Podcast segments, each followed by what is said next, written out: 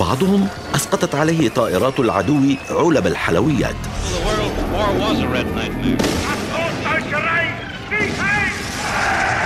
ومنهم من عثر على مذكراته المهترئة تصف جنون المعارك في الحرب العالمية الأولى. وهناك من كانوا يتبادلون مع أعدائهم النار. ثم خرجوا يحتفلون معهم بليلة عيد الميلاد. وأولئك الذين وقعوا في الحب ثم فرقتهم الحرب فعادوا واجتمعوا في خريف العمر تعال نحكي حكايات الناس البسطاء الذين عاشوا الحرب. أي حرب؟ حكايات بعضها غاية في الغرابة غاية في التناقض غاية في الطرافة. حكايات الحرب. احكيها لكم. أنا أسعد طه. مع الجزيرة بودكاست.